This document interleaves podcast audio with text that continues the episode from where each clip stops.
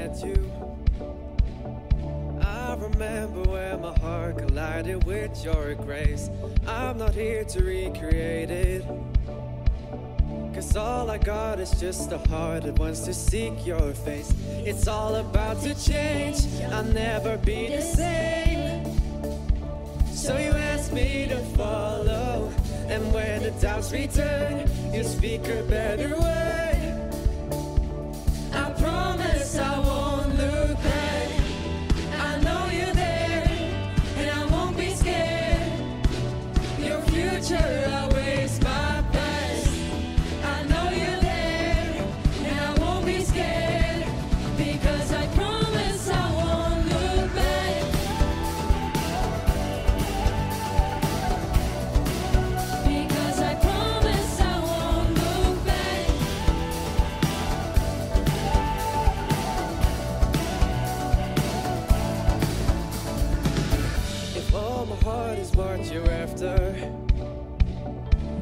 Looking more for who I am than what my voice can sing. Fate is more than just a moment. I'm going over through the motions, give me the real thing.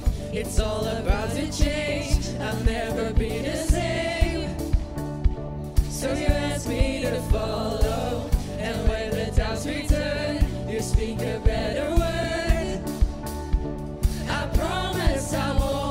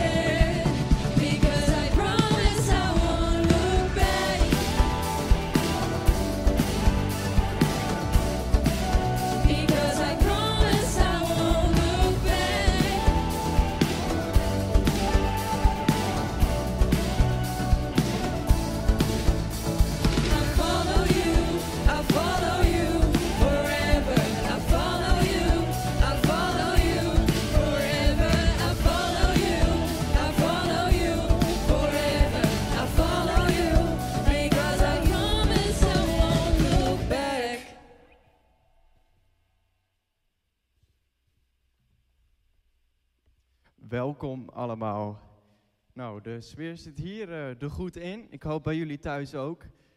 Officieel zouden we hier nu met z'n allen staan springen en dansen. Helaas kan dat nu niet, maar ja, het, eh, het kan niet anders. Wel is er één voordeel. Als jullie nu hier stonden, konden jullie niet zingen. Maar omdat jullie thuis zijn, kan dat nu wel.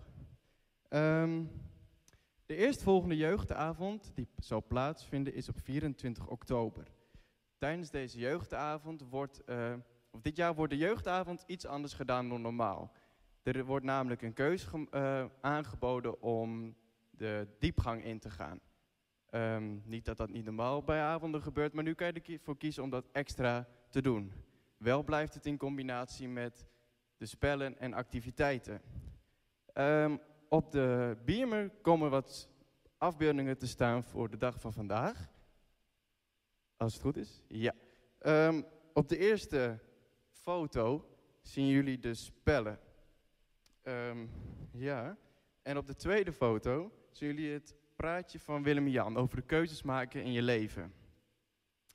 En de derde foto gaat over, ja, eh, dat is het team eh Feestbeesten. Het, dat is team 2. Team 1 is de volgende foto. De Jungle United. En dan de laatste team is team 3. Dat zijn de kogelvisjes als het goed is. Ja, en jullie hebben als het ware een ja, wedstrijd tegen elkaar gedaan. En bij een wedstrijd komt er meestal ook een winnaar uit. En bij deze wil ik die graag gaan, uh, gaan aankondigen. Nou, tromgeroffel in de huiskamers, spannend, spannend. Nou, hier is die. Het is team Feestbeesten van David en Jana. Volgens mij hoor ik daar wat gejuich in de woonkamer, dat snap ik. Um, nou, gefeliciteerd vanaf het podium. Um, gaan we verder met de uh, nieuwsitems. Um, de eerstvolgende No Limits avond zal plaatsvinden op 7 november. Mocht je nou een nummer hebben van je denkt van, wat je bijvoorbeeld tijdens het huiswerk maken maakt of op de fiets van, oh dat vind ik een leuk nummer, geef dat dan even aan aan Jonathan. Jonathan is de persoon die over de nummers gaat. En als je dat nummer dus wil horen tijdens een jeugdavond of een No Limits avond eigenlijk, geef dat even aan. Um, ze zijn bezig om een mogelijkheid te creëren om op het balkon, dus hierboven, um, plaats te maken voor mensen onder de 18 jaar dat ze daar tijdens de dienst live kunnen zijn. Uh, dat heeft natuurlijk ook weer te maken met die uh, afstand en al dat soort uh, dingen. Um, als je dit wil, geef dit even aan aan een van jullie jeugdleiders. Um, ja, na mijn ge gebed gaan we weer verder met de dienst. En ik hoop dat jullie een hele leuke dag hebben gehad. En dat jullie ook zullen genieten en God zullen aanbidden op jullie manier in jullie woonkamer. Um, dit waren mijn plaatje, praatjes, dus ik zou nu willen afsluiten met gebed. Trouw Vader in de hemel, dank u wel uh, ja, dat we live als het ware, maar ook digitaal bij u mogen komen. We vragen u een zegen over, over deze dienst. En um, ja, het maakt niet uit of het live is of, of het nou um, digitaal is, u bent erbij. We vragen of u uh, in de huiskamer wil zijn bij de mensen dat u uh, hun aan mag raken en tot hun mag spreken. Heer, we danken u ook voor een, uh, een No Limits team zoals achter mij, Heer. Wilt u hen ook zegenen dat ze ook de mooie tijd mogen hebben samen en dat ze u groot mogen maken. Heer, we u voor wat u heeft gedaan en wat u gaat doen. Dat bidden we in de naam van Jezus. Amen. Fijne dienst nog.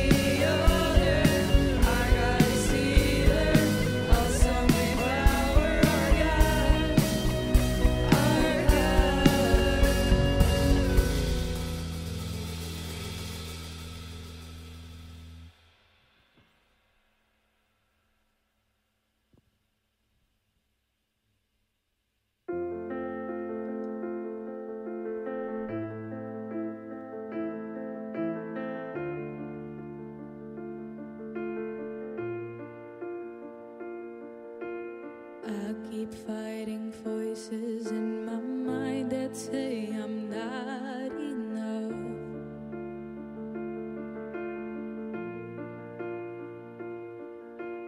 Every single lie that tells me I will never measure up.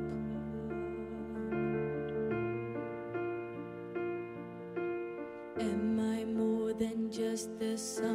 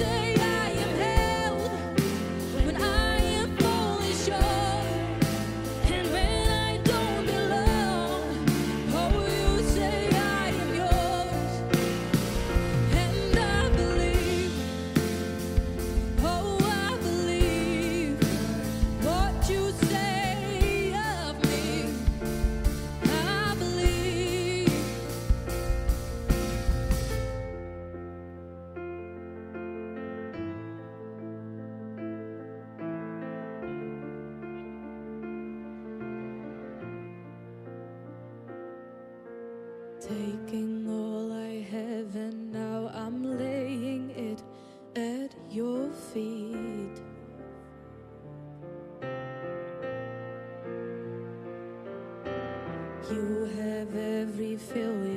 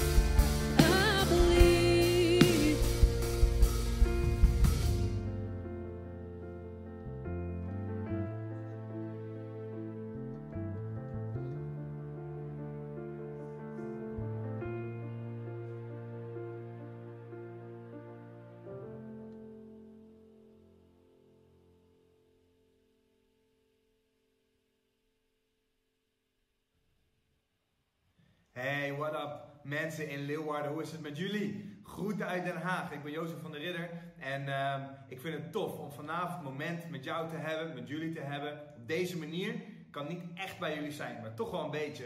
En ik vind het vooral tof omdat we een aantal dingen gaan bespreken die hoop ik echt tot jou zullen spreken. Echt, ik geloof dat God vanavond in ons aan het werk is. ehm, van binnen dingen tegen jou zegt. Of, of iets in je denken legt. Of misschien op een andere manier. Dat we vanavond aan het eind van deze avond op een andere manier naar ons eigen leven en onze eigen toekomst kijken. Dat geloof ik echt. Want we gaan vanavond een aantal van die verhalen vanuit de Bijbel dichter bij onszelf brengen. Jullie zijn nog jong. Ik ben al oud. Ik ben bijna 31. En ehm, het leven ligt net zo goed eh, al heel stukken achter mij als dat het nog voor mij ligt. Maar jullie zijn nog jong. En ik denk dat het zo belangrijk is dat je juist op deze leeftijd eh, momenten hebt als deze, die we nu met elkaar hebben, waar we nadenken, waar we praten over wat God in onze levens doet of wil doen en over de keuzes die we maken. En daar gaan we vanavond naar kijken, maar ik wil eerst een stukje lezen uit Timotheus. Weet je wat grappig is? Eh, Timotheus was 17 jaar toen we, eh, dat wat wij nu lezen in de Bijbel, toen dat allemaal geschreven werd en, en, en op het moment dat we Timotheus in actie zien. 17 jaar. Wij denken altijd al snel pastors en leiders, dat zijn allemaal oude mensen.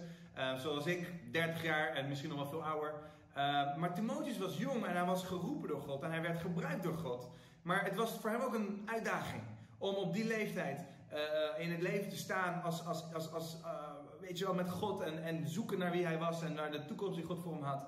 En Paulus was natuurlijk een veel oudere man die hem begeleidde, die hem hielp om te staan waar hij voor kon staan en, de, in, in te helpen in de roeping van God uit te stappen. Nou, misschien denk je wel van ja, dat is leuk voor Timotheus, maar ik ben geen Timotheus. Maar wat hij zei, of wat Paulus tegen Timotheus zei, is wel echt iets wat voor ons allemaal geldt. Lees maar mee. 1 Timotheus 4, vers 12 zegt het volgende: Sta niemand toe dat hij vanwege je leugdige leeftijd op je neerkijkt. Maar wees voor de gelovigen een voorbeeld in, je, in wat je zegt, in je levenswijze, in liefde, in geloof en in zuiverheid. Timotheus was natuurlijk een jonge man en, en, en, hij, hij hoorde dit van Paulus. En ik denk dat dat zulke belangrijke woorden zijn geweest. Maar staan niet voor niks in de Bijbel. Deze woorden zijn net zo belangrijk voor mij als dat ze voor jou zijn. En ik zie mezelf af en toe nog best wel als een jonge man. En op andere momenten helemaal niet meer. Maar als ik dit lees, dan denk ik van ik moet steeds tegen mezelf zeggen. Ik moet niet op mezelf neerkijken omdat ik nog jong ben. Maar jij moet ook niet op jezelf neerkijken omdat jij nog jong bent. In de Bijbel zie je zoveel namen en mensen die op jonge leeftijd door God geroepen werden. Uh, soms zelfs superjong. Neem een, een, een, een, Samuel in de Bijbel. Dat hij niet eens wist of God het was of Eli die tegen hem sprak. Neem een uh, Timotheus die hier op zijn zeventiende niet geroepen werd, maar dat hij al leider was. Neem koning David, waar we straks meer naar gaan kijken. Uh, neem de discipelen. Dat waren allemaal tieners op het moment dat ze geroepen werden op één of twee na. En het is zo bijzonder, maar ook belangrijk dat jij je realiseert, als God in jouw leven aan het spreken is, dan is het niet voor later, maar dan is het voor nu. Als jij op zoek gaat naar God, dan zul je zien dat Hij niet denkt van kom later wel, maar God wil op dit moment in jouw leven werken. Hij wil tot je spreken en hij wil je helpen om je op die manier ook naar jezelf te kijken. Dus als dit tegen Timotheus gezegd moest worden, moet het ook tegen ons gezegd worden. We kunnen een voorbeeld zijn voor gelovigen en voor de mensen om ons heen. Door onze manier van spreken, door onze manier van leven, door hoe we met elkaar omgaan. Door uh, ons geloof en onze zuiverheid, onze eerlijkheid, onze oprechtheid, onze, de keuzes die we maken. Dat is zo belangrijk. En ik hoop dat het iets is wat je aan het denken zet. Nou, wat ik, wat ik, waar ik wil meenemen is het volgende. Het is een verhaal van David op het moment dat hij nog jong was. Echt jong. En dat hij toch al op zoek was naar hoe, hoe kan, wat is nou God in mijn leven? Hoe, hoe, hoe moet ik hiermee omgaan? Neem, ik neem je mee naar 1 Samuel 17. En daar zie je dat er een oorlog uitbrak. En je moet je voorstellen, Samuel was jong, en was, of David was jong, en dan was geroepen als koning. Hij wist, wij hebben dat meestal niet in onze levens, maar hij wist op jonge leeftijd, later ga je koning worden. Nou, dat is altijd mooi meegenomen als je dat al weet. In de meeste gevallen is dat nog een beetje onduidelijk wat, hoe onze toekomst eruit ziet. Um, tenzij je misschien um, kroonprins of zo bent, dan heb je ook in ieder geval een beetje duidelijkheid. Duidelijk is hier wel dat David niet precies wist hoe hij om moest gaan met de omstandigheden. Hij was geroepen, maar vervolgens was er niet zoveel vervolg. En David is net als ieder andere tiener op zoek naar zijn volgende stappen. Wat moet ik doen? Hoe kan ik met deze dingen omgaan? En toen brak er een oorlog uit. En David was aangesteld door koning Saul als, als wapendrager. Maar op het moment dat de oorlog uitbreekt, vergeet koning Saul hem mee te nemen in de strijd. Dat lees je niet, maar je leest dat hij er niet bij was, terwijl hij wel wapendrager was. Dus ja, 1 plus 1 is 2. David was gewoon weer teruggaan naar zijn schapen, zijn oude baantje. Maar ik kan me voorstellen, als jij geroepen bent als koning en vervolgens een baan krijgt als wapendrager, maar in de oorlog heb je niks te doen, dan voel je wel een beetje nutteloos. En je voelt je ook een beetje vergeten. En niet alleen door de koning, maar ook door, um, door de mensen om hem heen. En David was in die zin iemand die leefde dicht bij God. En dat is echt zijn kracht geweest altijd. En dat is soms makkelijker en op andere momenten moeilijker. Maar wat ik wil je wel meenemen een aantal aspecten van Davids leven. Eh, voordat hij een, een, famous guy was, voordat hij een influencer in zijn maatschappij was, was hij gewoon David die zorgt voor de schaapjes. Jonge David, maar wel echt bewust van wie God was. Weet je wat er ziet gebeuren in, in 1 Samuel 17, vers 11? Er staat er dat het leger ehm, verlamd van schrik werd door het horen van de woorden van Goliath. Goliath was een reus, een, grote, grote strijder, een grote vijand, letterlijk, die het volk van God bang maakte. En ze hoefden niet bang te zijn, want ze waren Gods volk. God was degene die de overwinning kon geven. Maar het probleem van het volk was dat ze luisterden naar de woorden van Goliath. En ze keken naar hoe Goliath eruit zag. In plaats van dat ze luisterden naar de woorden van God. En luisterden naar wat God eigenlijk zei.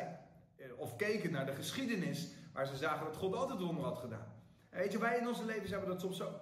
Misschien weet je wel van die verhalen. Misschien heb je zelf wel die van, van die momenten gehad. Dat je God hebt gevoeld van binnen. Of dat je weet van volgens mij bestaat hij echt. Maar dan heb je heel vaak van die momenten in je leven dat je dat weer een beetje vergeten bent. Het ligt achter je. Je weet niet hoe dat er vandaag de dag uitziet. En, en dan is het moeilijk om vast te houden aan dat geloof. En dat zal niet alleen nu zijn, dat zal als je 20, 30, 40 of 60 jaar bent, zul je nog steeds door zulke tijden heen gaan.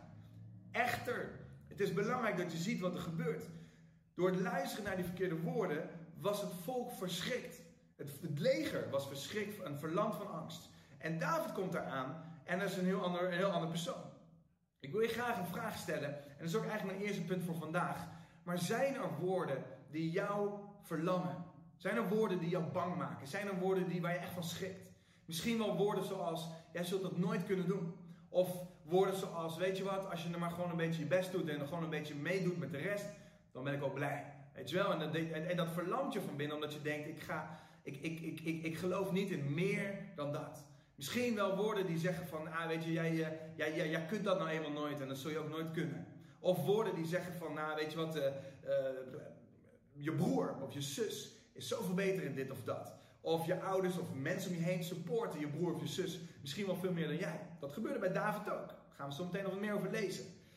Er zijn best wel wat van die woorden die jou misschien bewust en misschien onbewust of langzaam aan verlammen van angst, van schrik of van, van onzekerheid. En er zijn in ieder van onze levens zijn er woorden die ons angstig maken.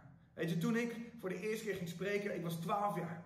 Wie dat bedacht had, eh, absoluut geen goed plan. Ik was 12 jaar en ik vond het knijtereng. En ik, ik werd letterlijk, ik stotterde toen als ik zenuwachtig was. En ik weet dat ik dacht, ik kom niet uit mijn woorden. En ik, het, ik werd er zo bang van. En ik heb meerdere van die momenten gehad. Dat ik dacht, hoe is het mogelijk dat iemand bedacht heeft dat dit moet? Of hoe, hoe kan het zijn dat ik dit wel of niet moet doen? Of waarom nou? En, en dingen die mij ook angstig maakten. Niet alleen in de kerk, maar gewoon in andere momenten in mijn leven. En, en je zult die momenten hebben. En het is heel belangrijk om je te realiseren welke woorden zijn het. Waar ligt jouw zwakte als, als, het, als het aankomt op woorden? En zijn er dingen waar je misschien over kunt nadenken van ja, maar dat zeggen ze wel, maar het is eigenlijk niet waar. Goliath zei het wel, maar het was niet waar. En voor ons als jonge mensen, hoe eerder we dit leren, hoe beter, is het als wij leren die woorden naast ons neer te leggen. Als andere mensen om je heen iets zeggen tegen jou wat niet waar is, of waarvan jij zegt, ik, dit geloof ik niet, het is niet wat de Bijbel zegt. Leg het naast je neer. Probeer dat jezelf aan te leren. Probeer God daarin te zoeken. Want het maakt namelijk heel veel impact op de keuzes die je gaat maken. Het volk van God ging niet vechten. Ze stonden stil op de berg, ze gingen niet aanvallen. En uit angst. De keuze die ze maakten was: dan maar ligt alles stil, dan maar het hele volk plat, dan maar gebeurt er niks. Maar wij gaan niet aanvallen, we durven dat niet. En dat betekende dat de hele economie plat lag. Dat betekende dat de maatschappij stil lag. En dat er een soort van verlamming was. Niet alleen in het leger, maar in het hele volk. Moet je nagaan wat de impact is van die dingen. In jouw leven misschien wel woorden die tegen jou gesproken zijn, of dingen die in je gedachten zitten. En dat je denkt van ja, maar dat, dat, dat, dat verlamt mij eigenlijk als ik erover nadenk. Nou, wat we zien gebeuren is dat David vanuit een ander perspectief keek naar, naar dezelfde situatie. En dat kwam vanwege God. En David in vers 26 zegt: Wat denkt die onbesneden Filistijn wel? Dat hij het, het, het leger van de levende God durft te beschimpen, staat er in de Bijbel. Durft te, te, te, te, te schade aan te doen. Durft, durft te beschouwen. Weet je wel, zoals, zoals je dat misschien, uh, uh, misschien zou zeggen. Maar wat is nou wat hier gebeurt? David keek vanuit de ogen van God naar deze situatie. En hij zag het leger van Gods volk. En hij zag een Filistijn die helemaal niks met God te maken had. En David zei: Hoe kan het nou zo zijn dat wat zij doen, hoe kan dit? Klopt niet. God is aan hun kant. Waarom is hij dan de winnende guy op dit moment? En ik hoop dat je realiseert dat dat perspectief dat David had, dat kwam van wie God was in zijn leven. Het mooiste van David was dat hij leerde wie God was. Niet op een mooie romantische manier, alhoewel als je de psalmen leest dan af en toe denk ik wel van gast, beetje zweverig. Maar soms zie je dat hij gewoon heel eerlijk was tegen God. En dat zegt, God, ik weet het ook niet meer. Ik voel me gewoon niet fijn. Als ik naar kijk naar de mensen om me heen, dan lijkt het met hun veel beter te gaan dan met mij. Dat lees je in de psalmen. En David die klaagt en die jammert af en toe bij God. Soms is hij bang, soms is hij boos. En soms is hij gewoon blij. Net zoals wij allemaal. En David die, die schrijft in de psalmen over hoe hij die struggles met God stap voor stap doorheen ging. En, en, en welke dingen hij soms dacht of zei tegen God. Of de dingen die God terug zei. Dat is wat David deed. En dat is de kracht van David. Niet dat alles goed was. Niet dat zijn leven met, goed, met God helemaal perfect was. Maar omdat hij dat deelde met God. En omdat hij in contact bleef met God. In moeilijke tijden en in mooie tijden.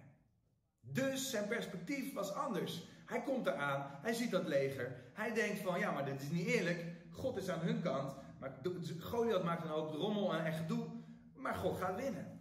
En dat perspectief is omdat God aan onze kant staat. God is in jouw leven. En hij wil eigenlijk dat wij... God was in ieder van hun leven. Hij was bij koning Saul, was bij het volk van Israël. Maar ze vergaten het. En David vergat het niet. En God wil dat jij ook niet vergeet dat hij bij jou is. En dat hij jou gemaakt heeft om een overwinning te behalen. Kleine overwinningen, grote overwinningen. En Davids perspectief was anders. Weet je wat het bijzondere van David was? En dat zullen wij in onze levens ook meemaken. Misschien maak je het wel, misschien heb je het vandaag wel meegemaakt. Op een gegeven moment staat er in vers 28 dat zelfs zijn eigen familie zich tegen hem keerde. Dat was niet de eerste keer, want zijn vader vergat hem in het begin al, dat moet je maar eens een keer lezen. Zijn vader vergat hem überhaupt erbij te halen toen hij gezalfd zou worden als koning. Zijn broers die zeggen, joh David, wat doe jij hier nou? Moet je niet lekker bij die schapen zijn? David werd de hele tijd, er werd een beetje op hem neergekeken. En, en soms ook heel direct negatief tegen hem gepraat door zijn eigen familie. In vers 30 zegt David, staat er in de Bijbel, David draaide zijn broer de rug toe. Hij zei, weet je wat, ik, ik, ik, ik luister niet meer eens naar je, ik kijk niet meer eens naar je. Want wat jij nu tegen mij zegt, dat, is, dat, is, dat, dat zijn absoluut de verkeerde woorden. En het is verdrietig dat het van zijn eigen broer moet komen. En ik hoop niet dat jouw broer zo is tegen jou. Dat je ouders of je familie zo tegen jou is. Of goede vrienden zo tegen jou zijn. Maar ik kan je vertellen, eerlijk gezegd, ik kan je beloven. Dat er momenten zullen zijn dat zelfs jouw familie. Of jouw goede vrienden.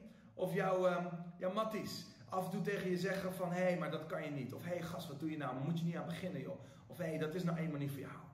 En dan is het belangrijk dat je je leert je rug te keren. David keerde niet zijn rug tegen heel zijn familie. Hij, hij keerde niet zijn rug naar, naar, naar die broer op zich. Hij keerde zijn rug toe tegen de woorden die hij op dat moment sprak. En het is heel belangrijk dat we dat leren. Want het, het, het, het beïnvloedde Davids denken en het beïnvloedde zijn geloof. En dat wilde hij niet. Dus hij wist wat hij moest doen. En daarom is mijn vraag ook aan jou: vanuit welk perspectief kijk jij? En ook welke stemmen spreken er tegen jou? Welke stemmen spreken er tegen jou? Stemmen van je familie, uiteraard. Stemmen van je vrienden. Waarschijnlijk zijn dat de meest krachtige stemmen. Stemmen van je leraren. Misschien stemmen van de dokter. Stemmen van uh, uh, mensen waarmee je sport of waarmee je gamet. Stemmen van anderen. Misschien stemmen van mensen die je niet eens goed kent, maar die wel impact op je hebben. Welke stemmen spreken er tegen jou? En misschien is het zelfs zo dat de stemmen echt impact op je hebben. Um, stemmen van ver weg, mensen die jou pesten, mensen die jou het leven moeilijk maken. En misschien staan ze niet eens dicht bij jou, maar het heeft wel grote impact. En ik wil je bemoedigen, probeer je rug te keren naar die mensen toe. Betekent niet dat die mensen stil worden. Betekent alleen dat je je probeert af te keren van de impact van die stemmen. We weten niet of die broer door ging praten tegen David of niet. Geen idee, maar David keerde zijn rug toe. Weet je wat er daarna gebeurt? Davids vragen bleven niet onopgemerkt. staat in vers 31. Men vertelde het aan koning Saul en koning Saul liet hem bij zich komen.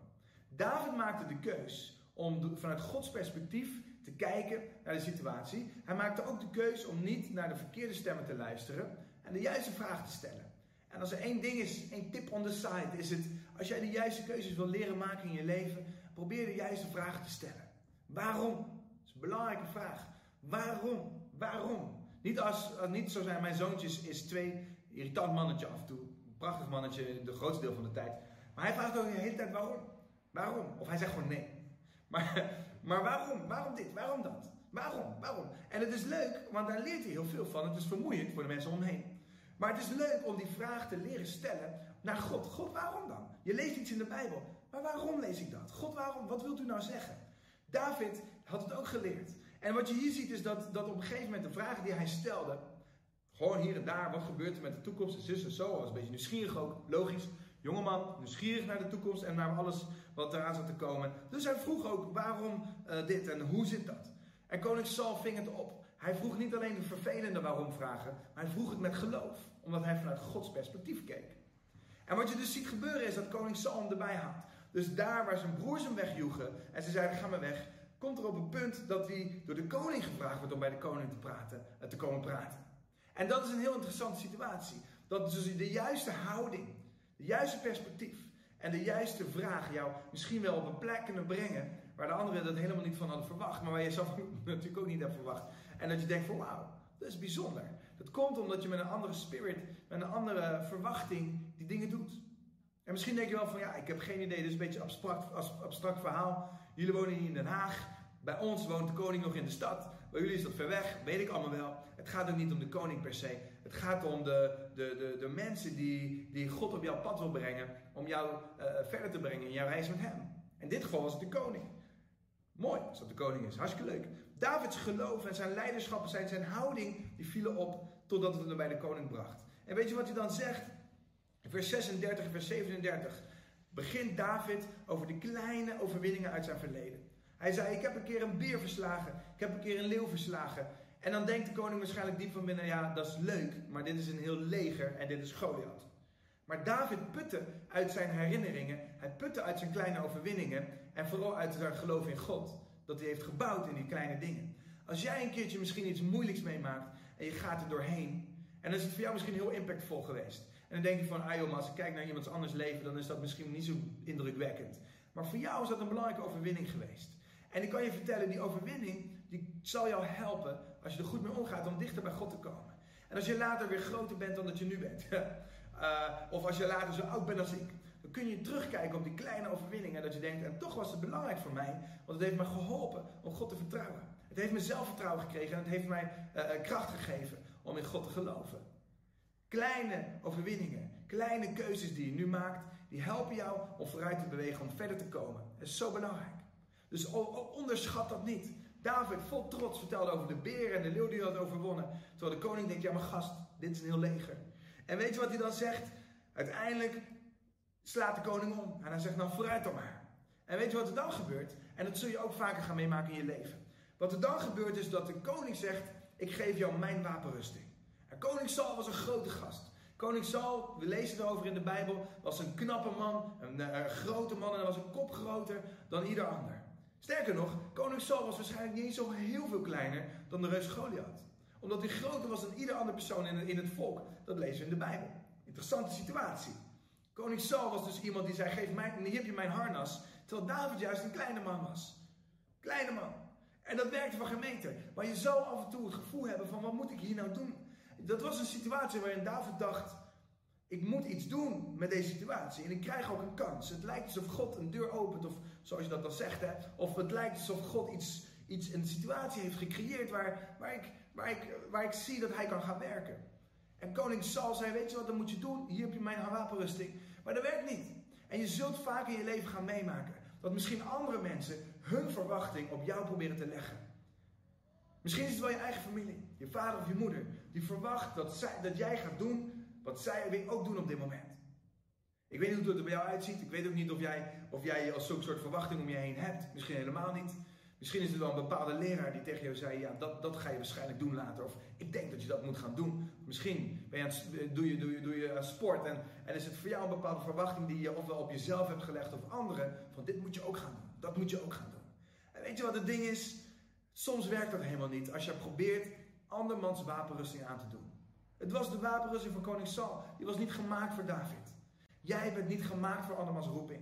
Jij kunt niet kijken naar, naar, naar, naar Pastor Nicolaas en denken van... Jongen, als ik echt een goede christen ben, dan moet ik zo worden.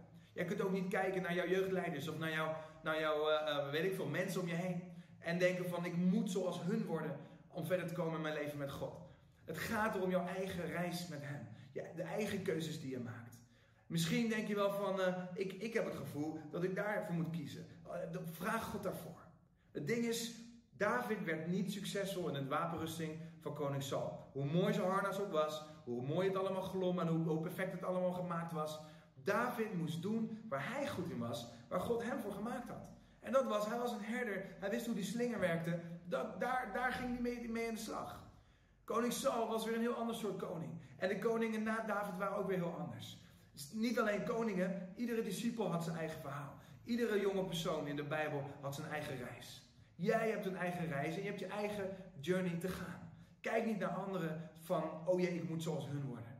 Jij bent gemaakt door God, met jouw krachten, met jouw kwaliteiten. Als David wel had gevochten in het harnas van koning Saul, dan was hij waarschijnlijk was hij niet meer geweest. Dat was het einde verhaal. Maar David zei, nee, nee, nee, dit werkt niet. Deze wapenrusting is niet voor mij. Doe niet wat een ander, wat een ander moet doen. Jij bent niet gemaakt om Nick te zijn. Nick is ook niet gemaakt om jou te zijn. Jij bent gemaakt om te doen en te zijn wie jij bent. En uit die kracht te, te, te putten. En hoe je dat doet, vraag God daarbij. God, wilt u mij helpen? Ik weet niet welke keuze ik moet maken. Moet ik nou dit doen of moet ik nou dat doen?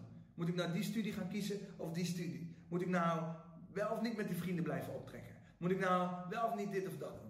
Vraag God die dingen. En misschien reageert hij niet gelijk zoals jij dat hoopt dat hij doet.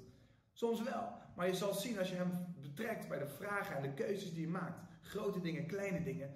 Dan zal je zien dat hij op sommige momenten wel degelijk je helpt. Of de juiste gedachten geeft. Of dat een vriendschap in één keer verbreekt. Misschien niet eens door jou, maar door een andere situatie. En dat je denkt, oh het was blijkbaar dus toch niet zo'n goede vriendschap. En, en God heeft geholpen. Misschien denk je wel van ja, maar dat is gewoon toeval. Maar dat is niet zo. Je kan God vragen om je te helpen en te leiden in die dingen. Dat is het mooie van je reis met God. En hoe vaker je dat doet, hoe vaker je erover nadenkt, hoe meer je zal zien dat het ook echt van God is. Dus David, die dacht, weet je wat, ik doe wat ik moet doen. God is mijn kracht. God is mijn wapenrusting. En niet dat spul van koning Saul. En weet je wat er dan gebeurt? Dan zie je dat hij natuurlijk, hij doet wat hij kan. En hij zegt, God is degene die deze overwinning gaat geven. Wie ben jij nou hier, beste Goliath? Is afgelopen met jou. En zijn geloof in God was zijn krachtigste wapen. Had niks te maken met zijn slinger of met zijn stenen. Het had ook niet zo heel veel te maken met zijn skills. Het had vooral te maken met dat hij zijn geloof had en durfde uit te stappen. Ik denk dat is de allerbelangrijkste les. En ik vond het zo bijzonder vroeger. Toen David de Vos mijn Connect leider was, toen vertelde hij altijd, Jozua en alle andere gasten in de Connect. Hij zei, jullie moeten gewoon God geloven, God vertrouwen. En ik heb altijd gedacht, ik moet worden zoals David de Vos. Dat was voor mij een inspiratie en een voorbeeld. En, uh, en ik dacht, hij was een paar jaar ouder, nog steeds een paar jaar ouder dan ik. En ik dacht van ja, als ik wat groter ben en ik word zoals hem, dan kan God me gebruiken. Misschien heb jij wel zulke mensen in jouw leven. Dat je kijkt naar iemand en dat je denkt van ja, als ik al met God iets kan, dan zou ik het zo moeten doen. Maar ik wil je bemoedigen, maar ook de uitdaging neerleggen bij jou. Denk goed na over je eigen leven. En hoe kun je God in jouw leven betrekken? Niet jouw eigen leven proberen te maken zoals het van een ander. Want dat werkt niet. We weten allemaal dat het niet werkt. Het is niet echt en het is niet wie jij bent. Je moet ook niet blijven zoals je bent. God in jou zal aan jou werken en zal in jou willen werken. Dat is het mooie van wie God is. Maar het belangrijkste is dat jij je eigen reis met hem gaat. En dat je zegt, God, help mij om de juiste keuzes te maken. Help mij om dat te doen. En wat je dan ziet, is dat David niet alleen zijn eigen leven redde, maar het hele volk werd gered door de, de moed en het geloof van David. En het had niks te maken met, hij was geen goede soldaat, hij was geen goede generaal, hij was geen goede koning, hij was alleen een herder, had je niet zo heel veel aan doen. Um, Davids kracht zat hem bijna in niks anders dan in zijn geloof in God en in de keuzes die hij maakte. De goede keuzes. En dat zie je met Timotheus, dat zie je met een aantal van de discipelen. En met sommige andere discipelen zie je ook wat minder.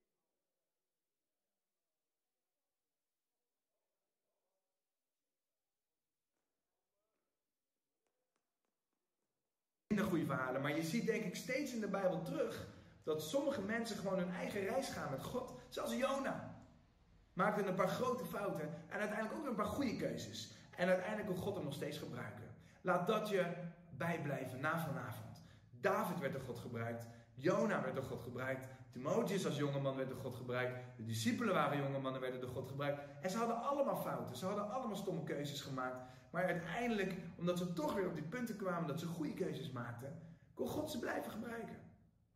Ik wil een moment graag nemen om deze dit moment in ieder geval met elkaar af te sluiten en te bidden. Want als er één ding belangrijk is, dan is het wel dat jij in jouw eigen reis met God hem betrekt bij de keuzes. Als je kijkt naar David, dat je denkt van ja, we zijn niet allemaal geroepen om koning te worden. Dat weet ik ook wel. We zijn niet allemaal geroepen om eh, in de Bijbel te eindigen. In het derde testament, als het ooit gaat komen. Weet je wat het is? Wij hebben allemaal onze eigen reis met God. Maar God heeft het in jou gelegd om grote dingen te doen. In het bedrijfsleven, in, in de maatschappij, in het gezin, eh, in de familie, vriendenkring waar je, waar je zit. Misschien wel op welk ander gebied dan ook. Misschien heeft God je wel geroepen, gemaakt om een hele goede boer te worden. Weet je, er zijn zoveel mooie dingen, maar de reis die God voor jou heeft, is er eentje waarvan Hij hoopt dat jij dat met Hem aangaat. En daar wil ik voor bidden. Vader, dank u wel voor deze momenten met elkaar. Heer Jezus, we vragen u met elkaar dat u in ons werkt op dit moment. Vader, als wij kijken naar onze eigen levens, dan hebben we nog zoveel jaren voor ons. En nog zoveel belangrijke beslissingen die we nog te nemen hebben. En vader, ik wil u vragen om in ieder van ons op dit moment te werken. Vader, wilt u ons helpen om de kracht te vinden in u. Om het, de angst weg te nemen, vader, door uw geest. Heer, u bent degene die ons gemaakt heeft met een roeping en met een bestemming. Ieder van ons een andere. De reden dat de Bijbel niet spreekt over zo moet jouw leven eruit zien. Dit is de kant die je op moet gaan. Deze keuzes moet je maken. Dat is omdat ieder van ons een ander leven heeft. En ieder van ons een andere bestemming en een andere roeping. Eén ding is wel zeker, dat u ons heeft gered en geroepen. Vader, ik wil u vragen om in onze levens te werken op dit moment. Dat we dat ons zullen realiseren. Dat u ons gemaakt heeft en geroepen. Dat we ons zullen realiseren dat u onze kracht bent of wilt zijn. En dat we ons zullen realiseren dat hoe moeilijk het leven soms ook is, hoe uitdagend dingen ook kunnen zijn, u belooft niet een perfect leven, maar u belooft er dat u er bent voor ons en dat u met ons wilt zijn het moment dat we belangrijke beslissingen maken. Help ons, Jezus, om dat te doen met u, met uw kracht. Vader, en ik wil heel specifiek vragen voor iedereen op dit moment die hier is, die nadenkt over zijn of haar leven, over zijn of haar reis met u. Misschien wel uw, onze reis die we nog helemaal niet met u gaan. Vader, ik wil u vragen om, om, om op dit moment in onze levens te kijken, naar ons te kijken. En, en, en, en, en daar te zijn waar we misschien onze donkerste plekken hebben. Onze meest pijnlijke gebieden. Onze meest onzekere gebieden. Onze meest angstige gebieden. Onze meest duistere gebieden. Heer, in onze harten, in ons denken, bij ons diep van binnen. Vader, wilt u daar komen in Jezus' naam.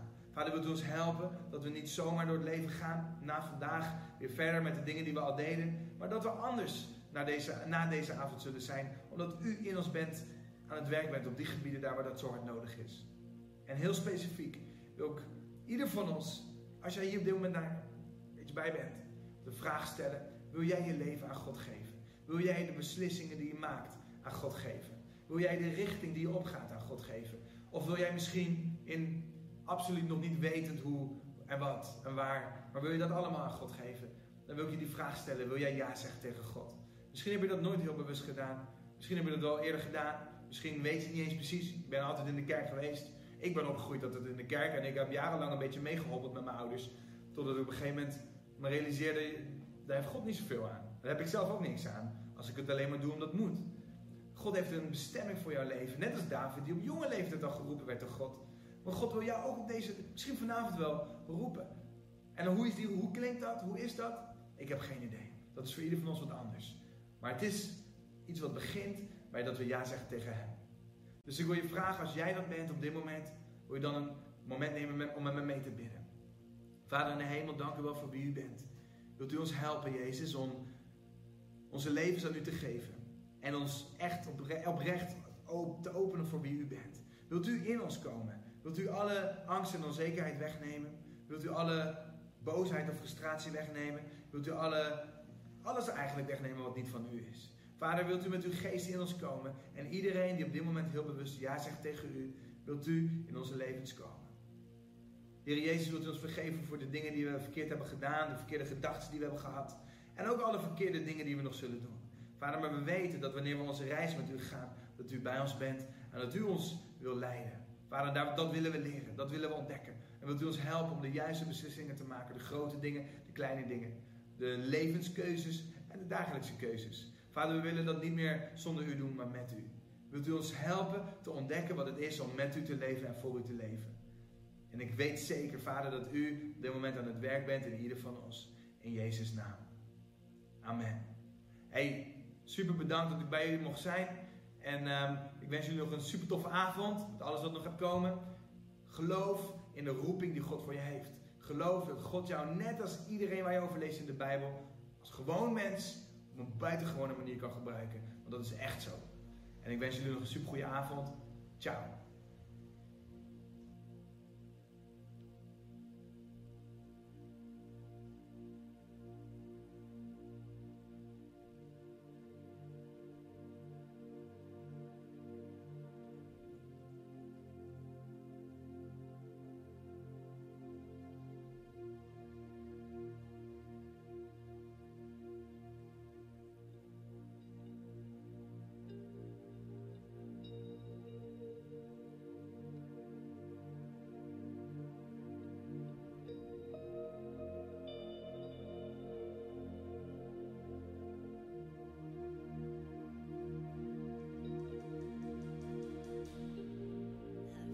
so hard to see it. Took me so long to believe it.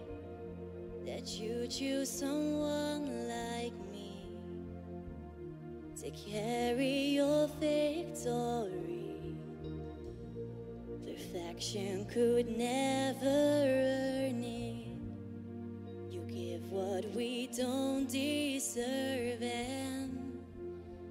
take the broken things and raise them to glory.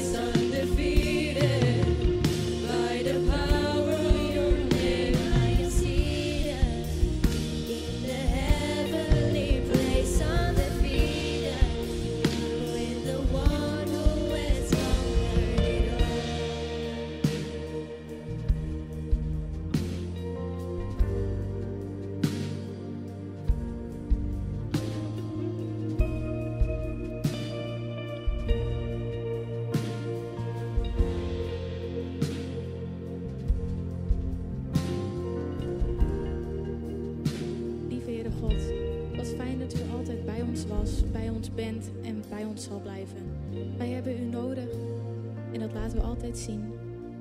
U laat zien dat wij geliefd zijn. U. En dat zullen we ook altijd laten doen.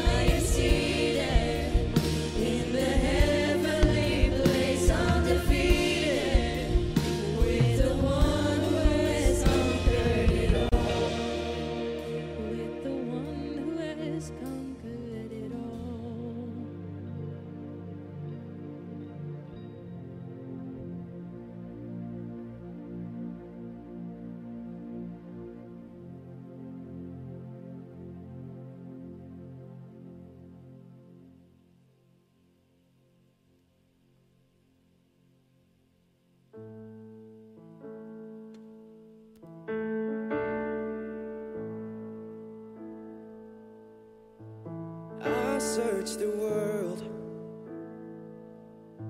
But it couldn't feel me.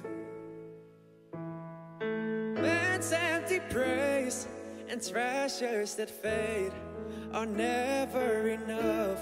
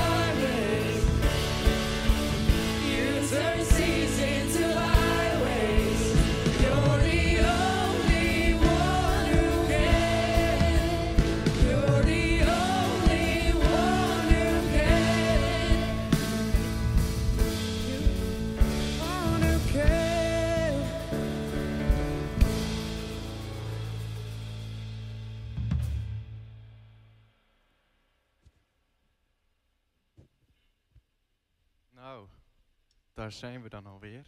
Klaar. Nou, ehm, wat was het een mooie dienst. Ehm, mocht je nou nog vragen hebben over de preek of over eh, de liederen die misschien gezongen worden. En als, u, als jullie nog meer willen doorpraten hierover, kunnen jullie eh, terecht bij jullie jeugdleiders. Ehm, hierna is het niet afgelopen. Jullie gaan nog verder in de groepjes met Zoom. Dus daar kunnen jullie nog even van genieten. En daar wordt, afge, eh, daar wordt afgesloten nou, ik eh, vond dat ze het heel goed hebben gedaan. En ik hoop dat jullie het ook leuk hebben gehad. Nou, geniet nog van de rest van, de, eh, van jullie avond en eh, tot een andere keer.